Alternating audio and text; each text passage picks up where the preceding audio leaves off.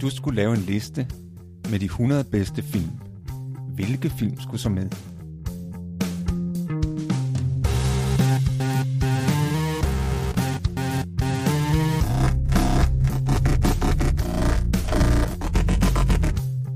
Hej, jeg hedder Morten. Og jeg hedder Thomas. Lyt med, når vi taler om vores liste med de 100 bedste film.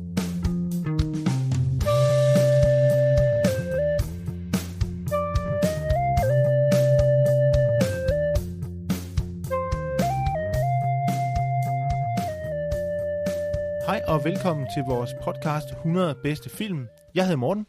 Jeg hedder Thomas. I dag skal vi tale om filmen Den forsvundne fuldmægtige. Det er en film fra 1971. Den er instrueret af Gert Fredholm. Det er faktisk hans debutfilm. Og den har O. Sprogø i hovedrollen. Og den bygger på en roman af Hans Scherfik fra 1938. Og vi skal, inden vi kommer for godt i gang, advarer om, at vi tramper rundt i handlingen, afslører filmens plot og slutning.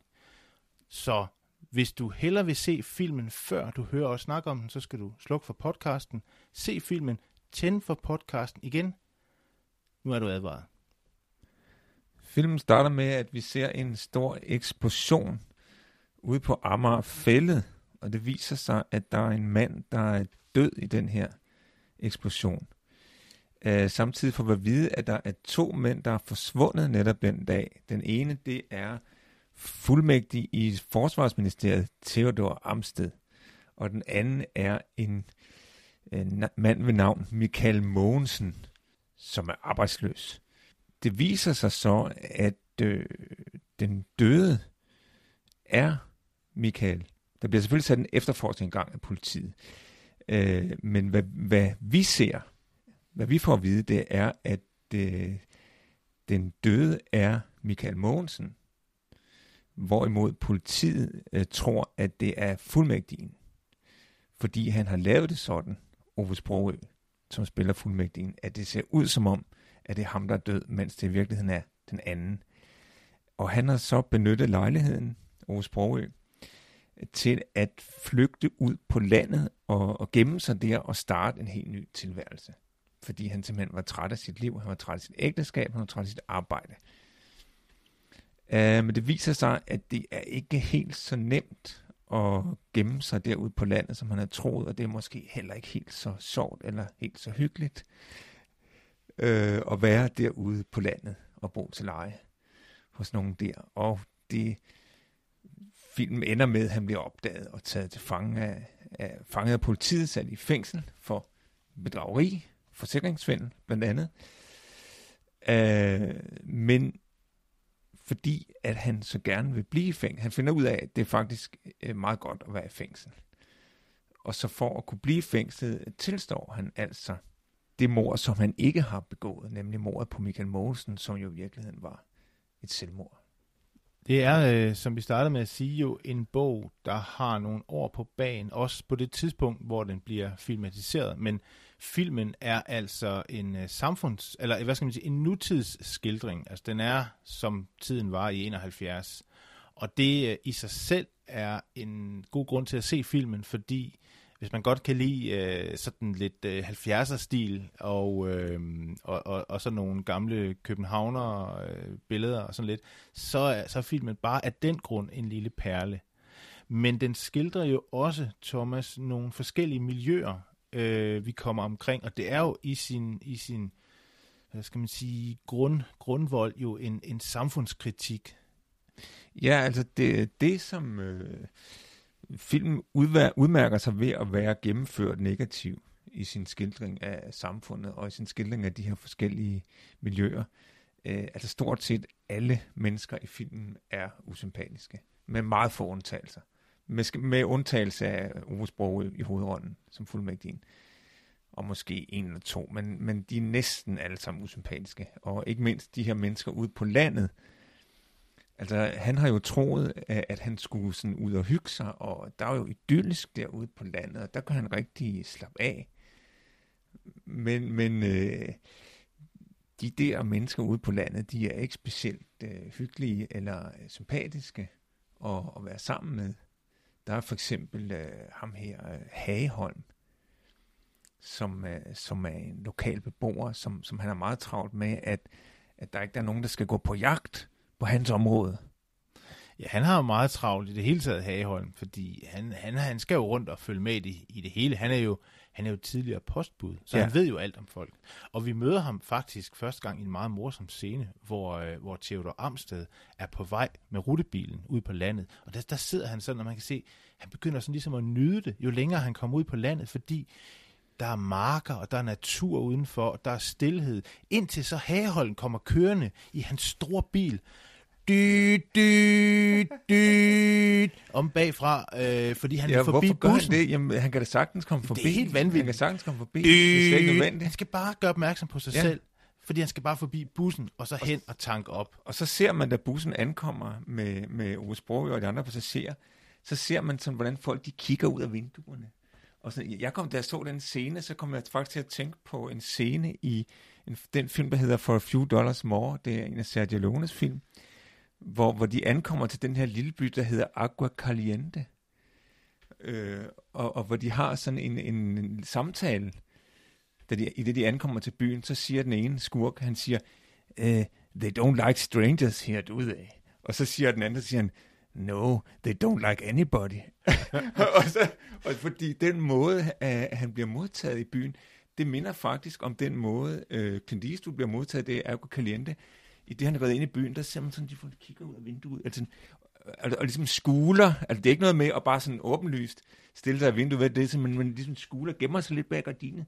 Øh, hvad er nu det, der sker der, ikke? Øhm, og det ser man også folk gøre her, da Ove Sprog ankommer. Nu der ankommer en fremmed, ikke? Hvem er han? Hvad skal han? Og, og som det bliver sagt, at øh, de, man antager jo for givet, at, at der må være noget galt med ham. Ja, hvorfor kommer han herud? Ja. Men mindre han selvfølgelig, og det er også det Hageholm først tror, han er en københavnersnude. For dem kan de ikke lide. De kommer nemlig tit om sommeren, og ligesom indtager landet, føler de her lokale. Og de skal jo ikke gå på jagt, og de skal jo ikke gå ind på, på nogle af markerne, og de skal jo i hele taget bare holde sig væk. Ja, ja, de må godt altså- betale for ting, tror jeg. Det ligger Jo, jo, det må de godt. Men, men, men, han- ja, han tror jo også, han tror, han skal, han skal rigtig gå ture og ud i naturen, og han plukker blomster. Og så kommer der også en og råber af ham, der, hvad fanden laver du? Og hvad Det er mine ind? Og- blomster. Ja, du Du må skal ikke sgu ikke plukke gå og tage mine blomster. og der står skilte, hvor der står Ja. Privat og forbudt. Og så det sjove er, det, det griner vi meget af, da vi så filmen igen, det er det her med, at han, han spørger efter parcellist Jens Jensen. Altså, han er parcellist. Det er et Ja. fantastisk udtryk, Det ikke? er en, det er en flot titel. Ja, det er det. Ja. Ja. Fordi der er jo, og det er jo også, øh, det er jo også det, der bliver sagt i filmen. Der er ligesom sådan en hierarki derude. Der er selvfølgelig de store bøndergårde, dem der har været der altid. De, de ligger rimelig lunt i svinget. Og øh, der er selvfølgelig nogle enkelte, som, som der bliver sagt, at de kan i det klare terminen. Måske, måske ryger de ud, og det er lidt spændende at følge med i. Og så er der selvfølgelig alle husmandsstederne, som jo knokler for at holde øh, det hele sammen. Og så er der så parcelisterne, som jo så ligesom er, øh, ja, det husejerne, ikke? som måske ikke nødvendigvis øh, har deres arbejde forankret i, i jorden, men måske kan, kan arbejde med noget andet. Og ham her, Jens Jensen, han er jo vist nok formand for, for sygekassen. Ja, ja, ja. Og, og fordi de har jo også en bistandsklient, Anders på Mosen. Det er noget en slubbert. Ja, det er jo ikke så godt. Jeg, jeg ved ikke, om, om det måske er deres eneste bistandsklient, men, men, men det ser ud til, at, at selv en enkelt bistandsklient, det er en for meget. Ja, det, det mener det jo. Fordi at det, det, han, han får jo at vide, da han kommer og, og søger om hjælp, at øh, det er da noget værre noget, og, og det er da godt, at dine forældre ikke er i live, og, og ser, at du kommer og beder om hjælp. De vil da synke jorden af skam. Det ved jeg ikke, om man stadigvæk Og så siger han- så siger han jo-. Jamen, det er, jo ikke, det er jo ikke meningen, at det sådan skulle være fattighjælp, ligesom i gamle dage. Hvor til at den anden så svarer, ah, men hjælp, det er nogle gange hjælp. hvordan man end vender og drejer. Ja. det. Og så jeg kan jo ikke huske, hvordan det er skildret i bogen. Det er jo mere uddybet i bogen. Øh, hvordan, hvordan, øh, hvad der sker med den der bistandsklient, ikke? Øh, fordi øh, der bliver han jo sat i arbejde. Fordi, hvor der så står der, ja, fordi øh, det er vel ikke sådan, at han er arbejdssky. Fordi så kan han øh, hugge skæver nede på stranden. Præcis.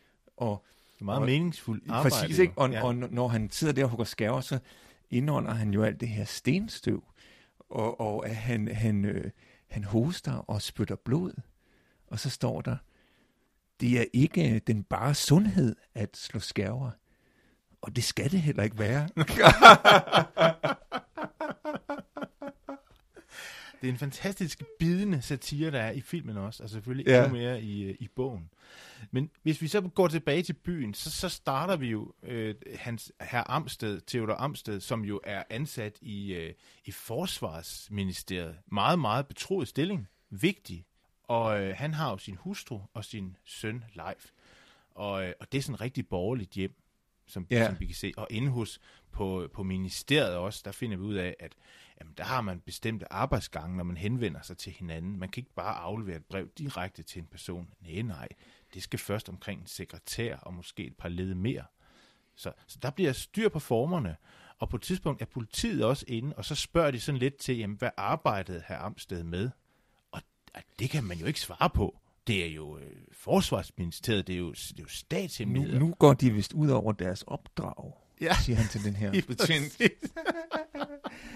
Ham der øh, chefen, Theodor Amsteds chef, han, han uh, taler jo sådan rigtig kancelisprog. Det mest perfekte kancelisprog. Det er gør han. Og jeg kan huske hans reaktion, da han får at vide, de tror, de, de i begyndelsen, der får de jo bare at vide, at øh, der tror de jo til, at Amsted er død. Men der, øh, og, og der er, at det er ham, der har begået selvmord ja. Ja. med dynamit. Ja. Ja. Ikke? Og hans reaktion, da han hører det, det han siger til sekretæren, der er sket noget utilbørligt. Fuldmægtig Amsted er død på en vandærende måde. meget måde. Det er virkelig fantastisk. De her miljøer, der bliver skildret, som du siger, de er negative alle sammen. Det er virkelig en kritik af sådan det borgerlige, de borgerlige, det borgerlige samfund. Ikke? Ja, det må man sige. Men, men uh, Theodor Amsted er jo opdraget til at kunne begå sig i et borgerligt samfund, men han har så alligevel en eller anden, hans sjæl har en eller anden længsel efter naturen og friheden, og der er også noget nysgerrighed i ham. Men han ender jo så i fængsel, fordi han bliver jo fanget af politiet, de får ham jo støvet op, øh, og så kommer han i fængsel, dog kun midlertidigt, fordi hans bedrageri er jo ikke nok til, at han bliver fængslet for livstid, men han finder ud af, at han kan faktisk godt lide at være i det her fængsel, fordi det minder utrolig meget om det her borgerlige samfund, som han er opdraget til at træde ind i. Der er faste regler, der er faste rammer, man gør tingene, man kan ikke selv bestemme noget, alt er lagt i, i, i rammer og system, og det fungerer han egentlig utrolig godt med. Ja, og på en måde er det endnu bedre. Altså, det minder selvfølgelig både om han, hans, hans skolegang, og om han, og det minder om hans ægteskab. Det minder også om hans job. Men på en måde er det endnu bedre, fordi her har han jo trods alt et, et, et rum, hvor han kan være sig selv. Han kan ja, få lov at være alene. sin celle. Ja, og man kan se, hvordan han nyder det. Altså, det, det gør han jo allerede der, hos, da han bor til dig hos parcelisten. I det øjeblik, døren bliver lukket, og han vil lægge sig den og tænke sådan, ah, Ja, det... nu er der fred, ikke? Nu, åh, her Dejligt. kan jeg være mig selv, ikke? Det er dejligt. Og man, det ser man jo faktisk igen i fængselscellen, ikke? Åh, så kan han slappe af, ikke? Og, og der, hvor det bliver sagt, jamen, øh, og døren er låst, altså det, det betyder jo, at han er tryg, ikke? Og det betyder egentlig ikke så meget, om døren øh, bliver låst indenfra eller udefra. Det, det er fantastisk skildret. Det er det. Og i, i fængslet, scenen eller, eller filmen slutter jo med, at han så ligesom prøver at iscenesætte, at han har slået Michael Mogensen ihjel. Og, og lader sig ligesom, han melder sig selv og siger, jamen jeg er morder. Jeg, jeg, bør spørge, ind, jeg skal spærres inde. Og det bliver han også. Og så kommer han ind, og så kan han endelig være i fængslet resten af sit liv. Og så han tilstår jo samtidig morforsøget på sin tidligere chef. Ja, han har som så- han faktisk havde en plan om at myrde, Ja, men han, han ja. kunne så ikke gøre det, da det kom til stykket. Nej. Men han, det for, tilså han jo selvfølgelig også, fordi det giver endnu længere straf, ikke? Jo, jo, og, og der, er han, der er jo også en, hvor han er inde i den her hammer- eller værktøjsbutik, Ja, ja, ja. hvor de snakker om en god hammer, hvor der, det er virkelig en god, og der er sådan meget sådan spids på, ikke? Uha, en specialhammer. Den vælger han så. Og det han så tilstår mor, så skal han jo også, skal han også have et motiv. Ikke? Jamen det er på grund af alle de ydmygelser. Han har virkelig været en ubehagelig chef og udsat mig for en hel masse ydmygelser. Ja. Så, så siger betjenten, ja, men det kan vel ikke være grund nok til at slå ham ihjel. Hvor til Ove så svarer, for mig var det. altså, altså, altså, det bør de da også kende lidt til med deres chefer i politiet, ja. men det mener betjenten så ikke. Men politiet er vel egentlig dem, der sådan bliver skildret mest øh, neutralt. Ja, ja, ja, faktisk. Det, det, ja. har du forresten, har, har du fået aftensmad? Har du fået noget at spise? Morgen? Nej, det nåede jeg ikke. Øh, Det nåede jeg Fordi- sjældent. Jeg har nemlig øh, lavet en særlig ret til i dag. Yes. Jeg er meget sulten, så det var, det var da dejligt. Det er boller i selleri. Nå. Så jeg har det i den her gryde, Mm. og jeg har også tallerkener og det hele. Ja, det ser Og det lækkert tænkte jeg, at du måske ville kunne lide. Jeg synes, det smager rigtig godt. Okay. Så det tænkte jeg, jeg tænkte, vi skal, vi skal spise her. Ja. Øh, Så du, du får lige lov til ser at, lidt- til smage. Du får lige lov til at ser smage, smage, ud. smage lidt her. Okay. Jamen, det Jamen, smager øh, bedre, end det, ser- det jo, jo, smager bedre, men, end det ser øh, ud. Ikke, Du får- ikke så meget, fordi Okay. jeg, øh, det ser lækkert ud, Thomas. Ja, som jeg vil lige, øh, jeg vil lige gå, mens du sidder og spiser, så vil jeg lige gå ud i, til køkkenet og sætte gryden tilbage. Okay. Jamen, det kan du godt. Øhm. Nu kan jeg se, Thomas han er på vej ud. Og øhm, det er sådan, at øh, nu visker jeg lidt, fordi Thomas går ud. Jeg kan faktisk ikke lide boller i selleri, så nu gør jeg det, at jeg... Øh, jeg ved ikke, hvor lang tid han er ude. Jeg skynder mig lige at tage noget, og så gemmer jeg det her ind under bordet. Jeg har stående her i det gule værelse. Og øh, der er ligesom sådan en lille hylde under bordet, og der kan jeg lige lægge nu skal jeg se, hvor meget jeg kan få ned. Sådan der. Fordi jeg er ikke så meget for, øh, for boller i selleri. Jeg synes, det ser lidt, lidt, øh, lidt gråt ud. Men, øh, men jeg vil helst ikke... Øh, så, nu, øh, nu kommer han tilbage. Mm, det smager samme lækkert, Thomas. Jeg har, Du har, jeg har øh, spist op. du har allerede spist op. Ja, Det var, var, det, var det så godt? Ja, var det, det så godt? smagte øh, Okay. himmelsk. Okay. Himmelsk. det er jeg glad for, at du siger. Det var virkelig øh, Og, gourmet. og, og fordi, ser du, øh, grunden til, at, øh, at jeg serverer det her, det er jo fordi, der er faktisk en scene i filmen, hvor Theodor Amtids lille dreng, han skal, han skal det spise det her. Nå, Og men han kan ikke så godt lide det. Han kan ikke så godt lide det.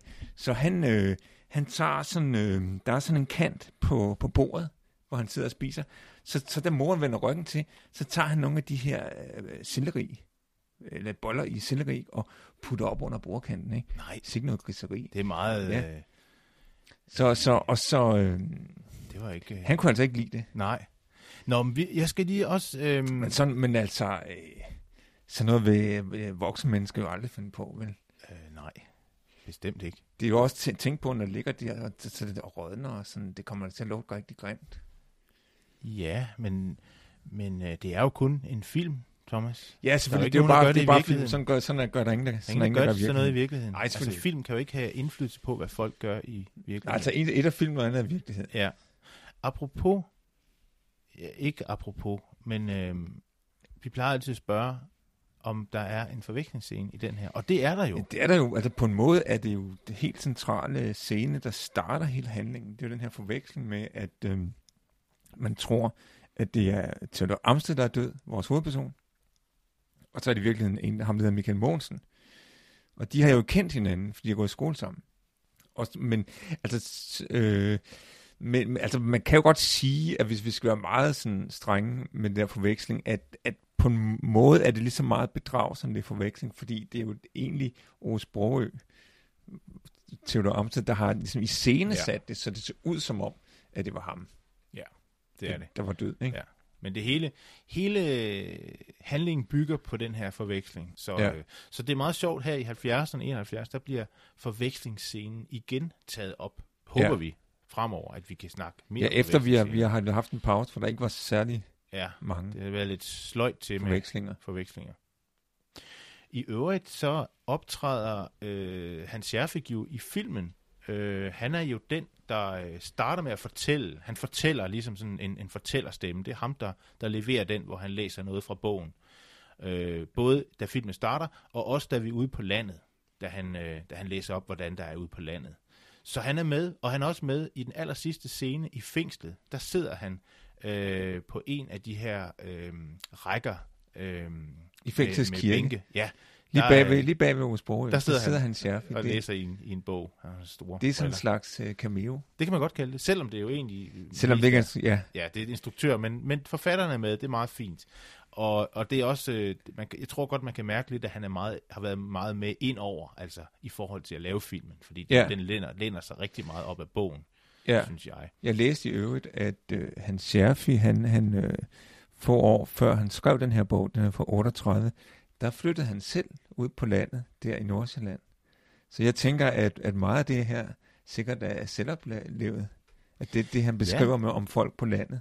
Jamen, det tror jeg bestemt. Og han, øh, han, han var jo også sådan lidt en, en amatør øh, eller øh, biolog. Øh, han har skrevet en, en anden lille bog, jeg tror den hedder Dammen, hvor han følger sådan en, en, en dam i, i, i årets cyklus med, hvad der, hvad der kommer af haletusser og hvad der sker i den her dam. Så, så jeg tror, du ret i, at det meget af det bygger på hans egne øh, oplevelser. Og Hans Scherfig var jo øh, glødende kommunist. Glødende kommunist, ja. Og øh, beton. Betonkommunist. Og, og, og Moskva-tro ja. var han også. Så, han var typen, der havde sit politiske ståsted fra start til slut. Han ville ikke, han shoppede ikke rundt, som det blev meget moderne. Og, og så har man en holdning, så har man en anden holdning, en tredje holdning. Han holdt ved sin overbevisning til det sidste. Det må man sige. Det må man sige. Og det kan man sige meget om, men det ved jeg ikke, om vi skal i det her program. Nej, det... Det, det plejer man altid at sige meget om, når man snakker om Hans Scherfik. Så siger man altid, at han var kommunist. Ja. Men det var han også. Og, Men det er nok derfor, at, at øh, filmen er så gennemført øh, kritisk. Så gennemført negativt, ja, kan man sige. at den kritiserer også den gennemført samfund, kritisk, ja. fordi den er, den er tro mod Hans Jaffis ånd og den ånd, der er i bogen. Jeg tror, hvis man, øh, hvis, hvis man kunne sin, sin Marx og kunne lave sådan en marxistisk analyse af filmen, så tror jeg, man vil, man vil se, at det her det er, det er et, et øh, altså lige efter bogen kritik ja. af det borgerlige samfunds dekadens. Ja, altså hvor, hvor, hvor dårlig øh, menneske man bliver af at leve i et kapitalistisk samfund og, og tilpasse sig et kapitalistisk samfund. Ja. Det er jo øvrigt, øh, at den, den forsvundne fuldmægtige øh, hører jo sammen med det, en anden bog af Scherfe, den der hedder Det forsømte forår, øh, hvor det forsømte forår handler om Theodor Amsted som, øh, som barn og som ung, hvor han gik i skole sammen med blandt andet Michael Mogensen på Metropolitanskolen. Og, øh, men han skrev den forsvundne fuldmægtig først, så det forsømte forår er skrevet som en prequel, kan man sige. Ja, til den det er det fuldmægtig. Og det er, det er interessant det her med, at, han, at vi, vi har de her to personer, som så man kan følge i det forsømte forår, hvor de er børn. Og så kan man faktisk, og, og den, hele den der klasse fra det forsømte forår, øh, der er jo, der er jo på et tidspunkt i den her i, i filmen også, hvor han møder en advokat, og ham har han også gået i skole med. Han, han er også med i, øh, i det forsømte forår. Han er jo en del af den her øh, bande, øh, Manus Nigra, den sorte hånd. Den sorte hånd. Hvor de, hvor de mødes. Og, og på et tidspunkt læser Theodor Amstel også et digt op, eller politiet har fundet et digt, som de spørger til. Og så siger han, den har jeg jo skrevet i min barndom. Og den skrev han til damen fra, eller, eller pigen fra Ismejeriet øh, som de besøgte i det, i det forsømte forår, der hvor de gik hen efter skole og havde sådan et frirum. Og der var en, der, der ekspederede der en sød pige, som han så skrev digt til, som hun så aldrig fik. Men, men der var store drømme allerede dengang. Jamen, altså fordi hans, øh, hans øh, skolegang fyldte så meget, så der var ikke rigtig plads til andet, og heller ikke rigtig til den der forelskelse. Der var hele tiden så meget, så mange lektier og så mange pligter i forbindelse med skolen. Ja. Det er også en god bog. Den er jo også filmatiseret. Den er også filmatiseret, ja. Øh, nogle år senere blev den filmatiseret i 1992 med Peter Skrøder som instruktør. Også en udmærket god film. Den har vi ikke med på vores liste. Men vi har mange andre gode film med. Det har vi. Tak fordi du lyttede til øh, vores podcast 100 bedste film. Vi er tilbage i næste uge, hvor vi skal tale om filmen Fiddler on the Roof, fra, også fra 1971, og den er instrueret af Norman Jewison. Vi ses. thank you